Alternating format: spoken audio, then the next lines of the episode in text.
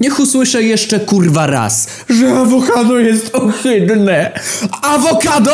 Ohydne?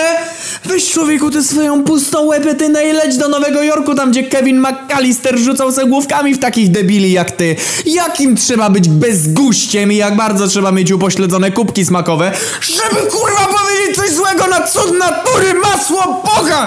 Jebaniutkie źródło nienasyconych kwasów tłuszczowych. Jak nie wiesz, pajacu, jak się je awokado, to po co w ogóle otwierasz tę swoją biedną mordę, co nie zna jego pysznego smaku? Trochę kurwa cierpliwości. Jak kupujesz twarde jak serce łęckie awokado w Biedronce, to się kurwa nie dziw, że nie jest dobre. Trzeba poczekać. Awokado ma być miękkie. To nie jest jebany ziemniak, że kupisz byle jaki i ugotujesz. Tu trzeba odrobiny finezji i wyczucia, bo czy może być coś lepszego niż świeża pszenna, podkreślam pszenna bułeczka z grubą warstwą masła 82% i awokado?